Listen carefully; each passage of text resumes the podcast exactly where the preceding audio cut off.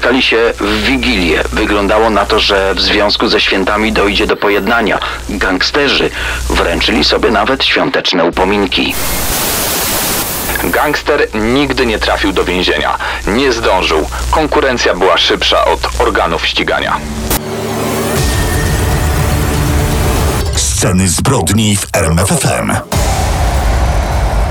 Sceny zbrodni my znów ubrani na czarno, czyli opowieści mafijne powracają. Kamil Barnowski. I Daniel Dyk, wiesz co, chciałem powiedzieć tak obrazowo, rozkładamy teraz mapę Polski, ale wszystko się dzieje w naszym smartfonie, więc Czyli tam proszę bardzo, poklikuję, żeby e, Jaki kierunek? spojrzeć. No tak właściwie linia Wisły niech będzie dzisiaj naszą granicą.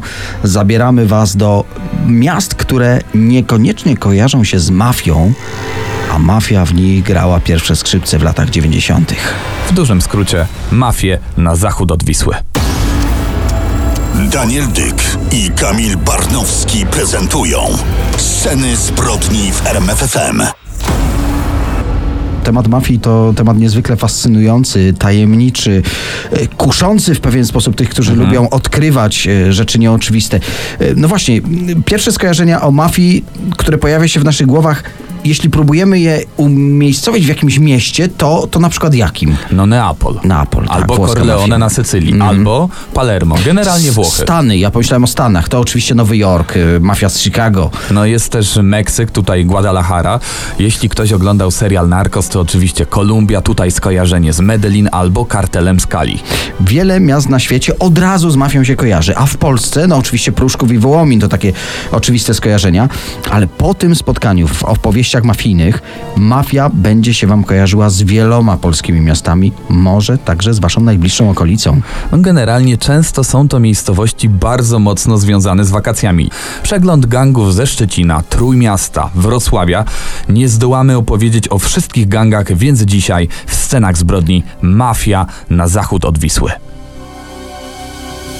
W tym świecie rządzi strach i pieniądze. Opowieści mafijne. Dzisiaj myślimy o miastach, w których działała mafia polska. Pierwsze skojarzenia, inne niż Pruszków czy Wołomin, to moim zdaniem łódzka ośmiornica. I właśnie w latach 90. odpowiadali za oszustwa na podatkach, wyłudzenia odszkodowań, rozboje, wymuszenia, ale przede wszystkim zasłynęli z porwań i niestety także z zabójstw. Ośmiornicę miał założyć w 93 roku Ireneusz J., znany jako Gruby Irek, znany też ze ściągania haraczy. W zarządzie mafii miał siedzieć również, między innymi oczywiście, Tadeusz M., zwany Tatą. Generalnie grupa próbowała przenieść na polski grunt wprost jeden do jeden rozwiązania mafii włoskiej. Utworzyli na przykład tak zwane zbrojne ramię organizacji. To właśnie zrzeszeni tu członkowie skupiali się na tych bardziej krwawych operacjach. Głównie haracze, odbieranie długów, często poparte pobiciami, a także likwidowanie niewygodnych celów. Głośno o tej grupie zrobiło się po wspomnianych przez ciebie porwaniach biznesmenów dla okupu. W ich ręce wpadli właściciele no, co lepszych firm z całego regionu. Z Opoczna, Konstantynowa Łódzkiego czy Złowiczach krążyły opowieści o bajańskich sumach, które, które mafia miała zgarnąć. I tak łódzka ośmiornica zyskała taką popularność, że w szczycie należało do niej ponad 200 członków. Początkiem końca jednak była, y, jak w wielu takich przypadkach, wewnętrzna wojna o wpływy. Gruby Irek rywalizował o dowodzenie mafią z Tadeuszem M. Tatą. Za Ireneuszem J. stał Pruszków, wtedy wspólnie napadali na tiry ze spirytusem i jednak zyskami, no, nie dzielono się 50-50. Większość jednak trafiała do Pruszkowskich. I to nie spodobało się łódzkim kolegom Irka. Podobno zebrali nawet 30 tysięcy dolarów, by opłacić zabójcę, który zlikwiduje grubego Irka, a jednak dwa zamachy okazały się nieudane. Panowie spotkali się więc w Wigilię 97 roku w jednej z łódzkich pizzerii. Wyglądało na to, że w związku ze świętami dojdzie do jakiegoś pojednania, przebaczenia, przebaczenia win. Gangsterzy wręczyli sobie wtedy świąteczne upominki. Taka była sytuacja. Tak, pokazali ludzkie serca i właśnie, czy to uśpiona czujność, czy ten świąteczny czas, nie wiadomo, ale gruby Irek wyszedł z pizzerii, wsiadł do samochodu i tu czekał na niego już z pistoletem Pasza. Pasza to ukraiński płatny zabójca i zamach numer 3 okazał się skuteczny. Tato został nowym ojcem chrzestnym, no ale nie trwało to długo. Półtora roku później policja rozbiła łódzką ośmiornicę. Gangsterskie porachunki, brutalne egzekucje i szokujące uprowadzenia. Tym razem Trójmiasto w opowieściach mafijnych w scenach zbrodni RMFFM. Jeśli mafia i Trójmiasto, to oczywiście Nikoś. Najsłynniejszy gangster. Chyba y, nie tylko w Trójmieście, ale w ogóle w Polsce. Przecież to on jako pierwszy w naszym kraju zorganizował gang i stał się wzorem dla późniejszych mafiozów. To powiedzmy, kim jest ten Nikoś, czyli Nikodem S. Urodzony i wychowany w Gdańsku, z wykształcenia ogrodnik, ale jak wielu gangsterów zaczynał jako ochroniarz w nocnych klubach. Jego zatrudnił klub Lucynka. Ale dorabiał również w słynnym y, Maksymie w Gdyni. Kto słucha zespołu Lady Punk, ten wie o co chodzi. Wróćmy do jego biografii. W tym czasie poznał mecenasa, największego z trójmiejskich paserów i został jednym z jego ochroniarzy. Handlował dla niego walutą, awansował szybko na kasjera i zaczął zbierać haracze od innych cinkciarzy. W połowie lat 70. dzięki znajomościom, które wyrobił sobie w kręgach paserskich, usamodzielnił się. Często wyjeżdżał na Węgry, organizował przemyt walut na hurtową wręcz skalę. E, Do tego jakieś drobniejsze biznesy typu handel odzieżą, handel kosmetykami. ale w latach 80. postawił na samochody. Początkowo kupował kradzione auta i podrabiane dokumenty od Jugosłowian. W końcu zorganizował grupę, która zaczęła przemycać auta kradzione w Niemczech i Austrii. One trafiały potem do Polski Ludowej i trafiały w ogromnych ilościach. Mówi się nawet o 7 tysiącach samochodów. Przy okazji wydobywał nielegalnie bursztyn. Podobno nawet 100 ton wyprowadził z naszego kraju. E, Prowadził również nielegalne kasyno w Jelitkowie. I to wszystko daje ogromne pieniądze, a za tym poszły inne zaszczyty. Na przykład na swoje rancho we wsi Orle zapraszał najbardziej wpływowe osoby z lokalnej polityki, także aktorów i sportowców, naprawdę śmietankę. Wspominaliśmy już w naszym cyklu, że sponsorował Lechie Gdańsk, gdy klub wywalczył w sezonie 82-83 Puchar Polski. Nikoś został obywatelem zasłużonym dla Gdańska. W połowie lat 80. przeniósł się do zachodnich Niemiec, miał tutaj sklep z elektroniką, ale nadal kierował intratnym przemytem samochodów. Jego karierę zakończyła tamtejsza policja, gdy podczas kontroli drogowej okazało się, że jego Audi Coupe jest no po prostu kradzione. Został wtedy skazany na blisko dwa lata więzienia, trafił do słynnego berlińskiego Moabitu i to jest ciężkie więzienie. Ono było miejscem kaźni dla wielu Polaków jeszcze w czasach wojny, ale Nikosia nie zatrzymało na długo. Na widzenie przyjechał do niego pewnego dnia brat, panowie zamienili się ubraniami i Nikoś spokojnie wyszedł na wolność. Tym razem nie samochody, a on sam siebie przemycił przez polską granicę. Do dzisiaj jest tajemnicą, jak to zrobił i którędy mówi się, że może przez Austrię. Po jakimś czasie zadzwonił do więzienia i o wszystkim opowiedział.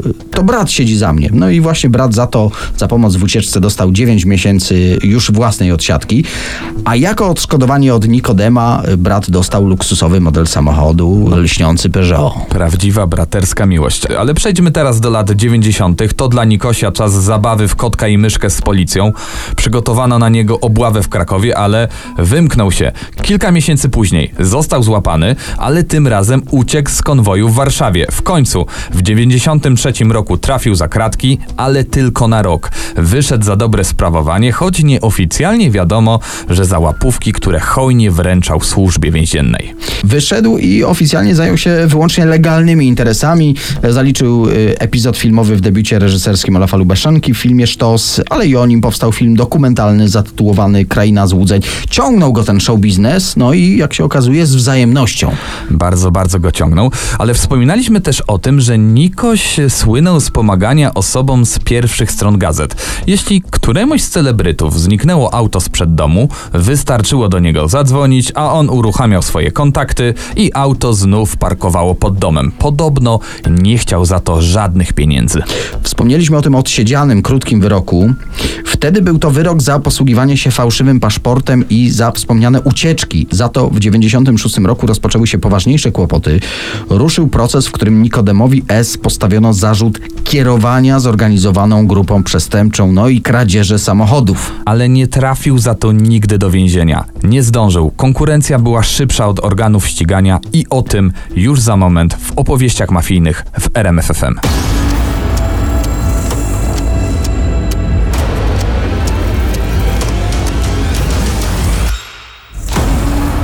Wracamy do jednej z największych legend y, mafijnych w naszym kraju. Nikodem S., ojciec chrzestny z Trójmiasta. Wspomnieliśmy też, że Nikoś nie doczekał wyroku za kierowanie grupą przestępczą. Przenieśmy się do 24 kwietnia 98 roku. W okolicach południa dwóch zamaskowanych mężczyzn wchodzi do agencji towarzyskiej Las Vegas w Gdyni.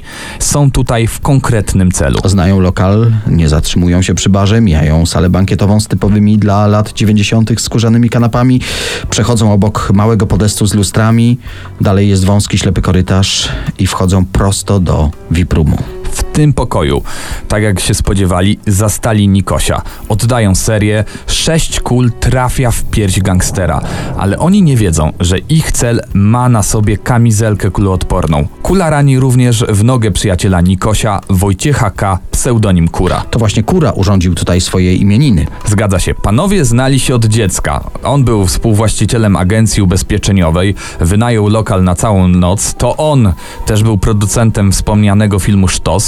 I tutaj pytanie, co z imprezą? No choć w domu publicznym to żadne tam frywolności, lokal z klasą, więc panowie przybyli na imprezę z żonami. Impreza przeciągnęła się do rana, a w końcu do południa i wtedy zostali już tylko Kura i Nikoś. Ale wróćmy do tego feralnego zakończenia imienin.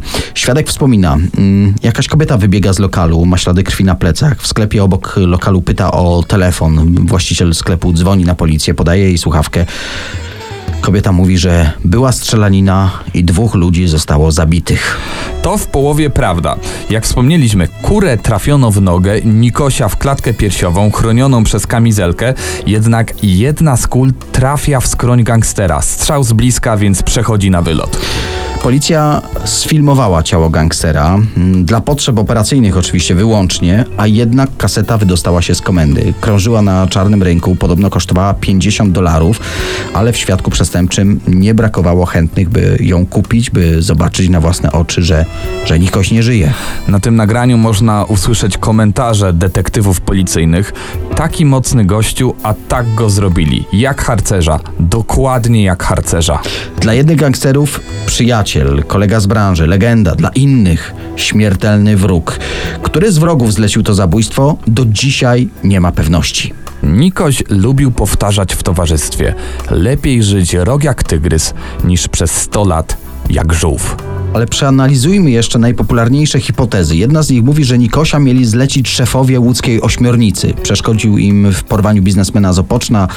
Mieli na tym stracić półtora miliona złotych. Za to inna mówi, że za morderstwo odpowiada Pruszków.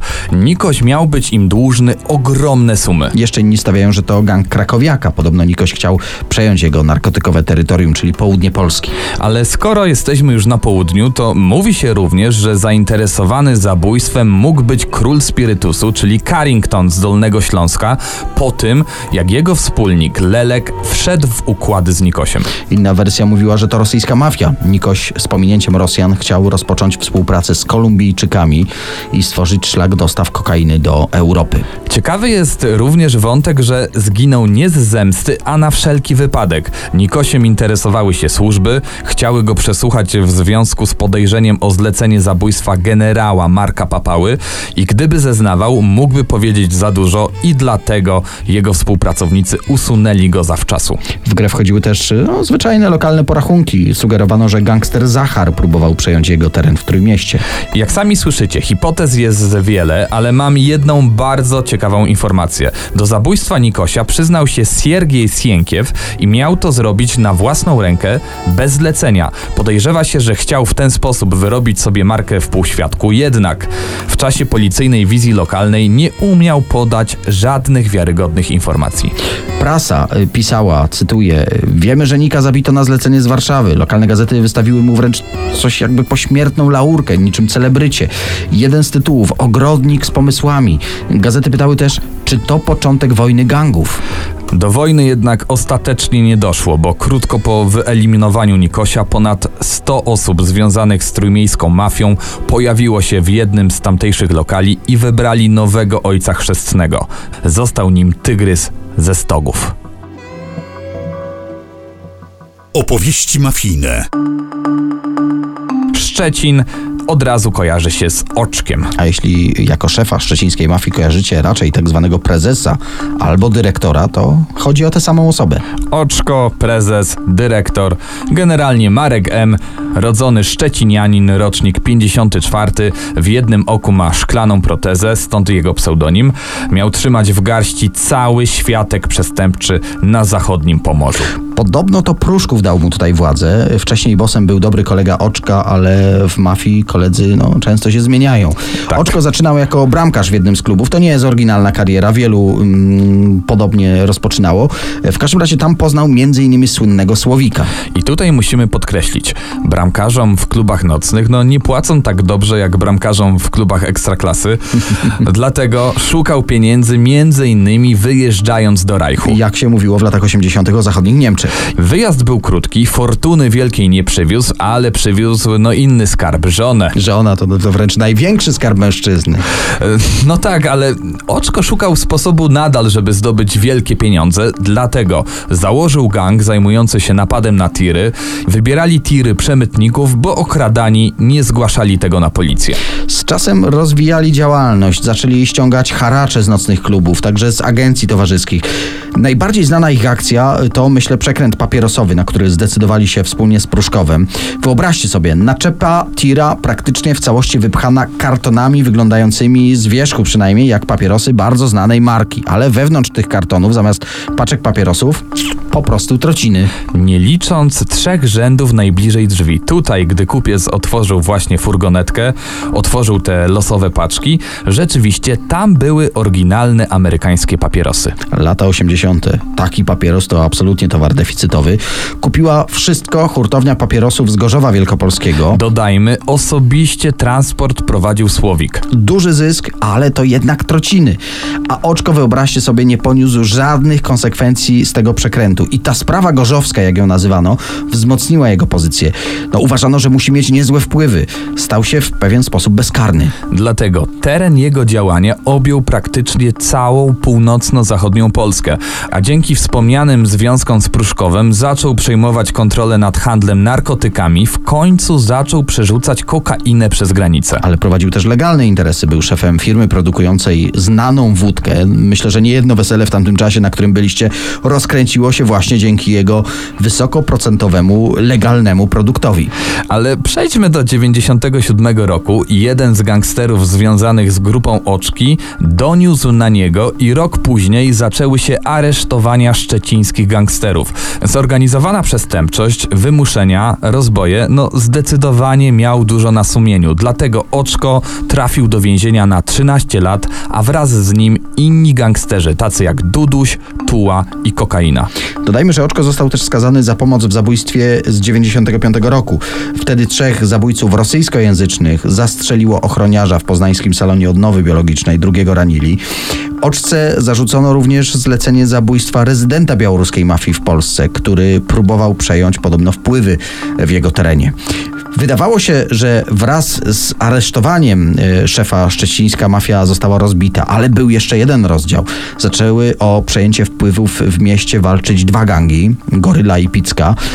Wojna skończyła się strzelaniną pod pubem Hormon w Szczecinie w sierpniu 2001 roku. Sześć osób zostało rannych, wkrótce potem i te gangi zostały rozbite. Przynajmniej oficjalnie. Czas na Poznań. Dzisiaj krążymy po miastach, które może nie wprost kojarzą się z mafią. Tutaj, w Poznaniu, no, gangsterzy nie mieli szczęścia, trochę uprzedzamy fakty. Ale zacznijmy jak w innych miastach, czyli od cinkciarzy. Najbardziej znany w Wielkopolsce w latach 80. cinkciarz to Zbigniew B., znany na mieście jako Makowiec. I gdy nastały lata 90., kantory pojawiały się jak grzyby po deszczu. Większość jego kolegów po fachu zostało bez pracy, ale on jakoś umiał się szybko Zebrał wokół siebie grupę młodych chłopaków, których nazwał swoimi żołnierzami. To oni nadzorowali większość wymuszeń w Poznaniu, większość okupów, do tego włamania, napady, a w końcu także kradzieże samochodów. Wciągnął w swoją grupę także żonę, właścicielkę Lombardu, wciągnął y, dwóch synów. No taki prawdziwy, mafijny, rodzinny biznes. No ale powiedziałeś, że Poznań nie okazał się szczęśliwym miastem do prowadzenia mafijnych interesów. No to powiedzmy dlaczego. Pierwszy raz makowca zatrzymano za kradzieże kilkudziesięciu aut, drugi raz zatrzymano go w 2005 roku za zlecenie zabójstwa. Tak, w 95 roku Makowiec miał zlecić zabójstwo płatnemu mordercy o pseudonimie Izraelczyk, by zlikwidował gangstera znanego z kolei jako Święty. Podobno święty naraził się makowcowi, bo porwał jego syna. Takich rzeczy się nie wybacza. Izraelczyk dostał zdjęcie Świętego, ale jak głosi legenda, miał kiepski wzrok, więc wtargnął do kawiarni w centrum Poznania, strzelił trzy razy w głowę człowieka trochę tylko podobnego do jego celu. Tragiczna pomyłka, zginął niewinny człowiek. Ale mało tego, płatny zabójca wybiegł z kawiarni i wręcz wpadł na policjantów. Nie wiadomo, czy to jedynie poznańska legenda, ale pewne jest, że Izraelczyk dostał dożywocie i nie była to długa kara. Zmarł po kilku miesiącach odsiadki, natomiast Makowiec jako zleceniodawca dostał 15 lat więzienia. W Poznaniu istniał jeszcze co najmniej jeden duży gang. Gang sutenerów, który wciągnął do współpracy 50 taksówkarzy. Zawozili bogatych klientów szukających rozrywki do konkretnych lokali i dostawali prowizję od sumy, na jaką udało się ich naciągnąć. Podobno jeden z kierowców dostał rekordową prowizję. Uwaga, aż 150 tysięcy złotych. Jeśli takie były prowizje, to znaczy, że lokale, do których trafiali biznesmeni, musiały mieć no co najmniej 5 gwiazdek.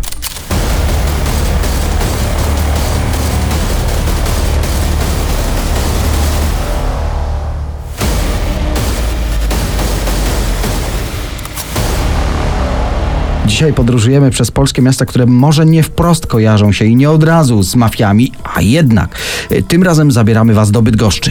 No właśnie, Bydgoszcz pod koniec lat 90. zyskała przymiotnik Wybuchowe Miasto. Właśnie wtedy miał miejsce głośny i to dosłownie zamach na Waldemara W., pseudonim książę. No i właśnie Waldemar W. to chyba najbardziej znany bydgoski gangster. Jego grupa, jak w innych miastach w latach 90., zaczęła wymuszać haracze, brutalnie wymuszać spłaty długów, do tego wyłudzenia kredytów, kradzieże i oszustwa naprawdę komplet. Jego głównym konkurentem do władzy w mieście był Henryk M. I to prawdopodobnie on zlecił podłożenie bomby pod samochód księcia. I tak, noc gangster wsiada do swojego samochodu parkującego przy dworcowej, przekręca kluczyk i wtedy eksplozja budzi połowę miasta. Wydawało się, że książę nie miał szans, jednak skończyło się na amputacji nóg. Henryk M. się nie poddał. Drugi zamach. W tym samym 99 roku książę w towarzystwie ochroniarza opuszczał windę. Zabójca strzelił, ale ochroniarz zasłonił swojego bossa, ginąc zamiast niego. Jednak Henryk M. wynajął kolejnego człowieka, by skończył dzieło. Ale tym razem zabójca wziął przed robotą za dużą dawkę narkotyków i nie potrafił trafić z naprawdę bliska. I tak książę znów wyszedł z opresji. Choć wkrótce po tym trafił do więzienia za haracze, później dostał też wyrok za gwałt.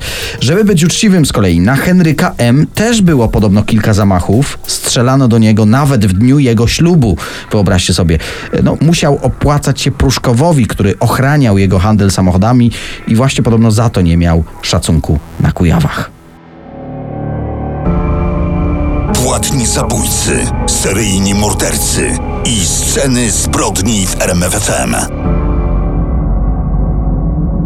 No i skończyliśmy odcinek o mafii na zachód od Wisły, a Daniel nadal w telefonie i w mapach Google. Wiedziałeś, że w Polsce jest tyle miejscowości, których nie odwiedzili, nie Na odwiedziliśmy w tym jakie? programie? No na przykład musimy wybrać się na wschód od Wisły, zwłaszcza, że e, wschodnia część Polski to terytorium Wołomina, a o nim niewiele dzisiaj mówiliśmy w naszych mafijnych opowieściach, a, a, a jak Wołomin to na pewno Białystok. To zdecydowanie musimy ubrać jeszcze plecak i pojechać właśnie w podróż po tych wszystkich miejscowościach.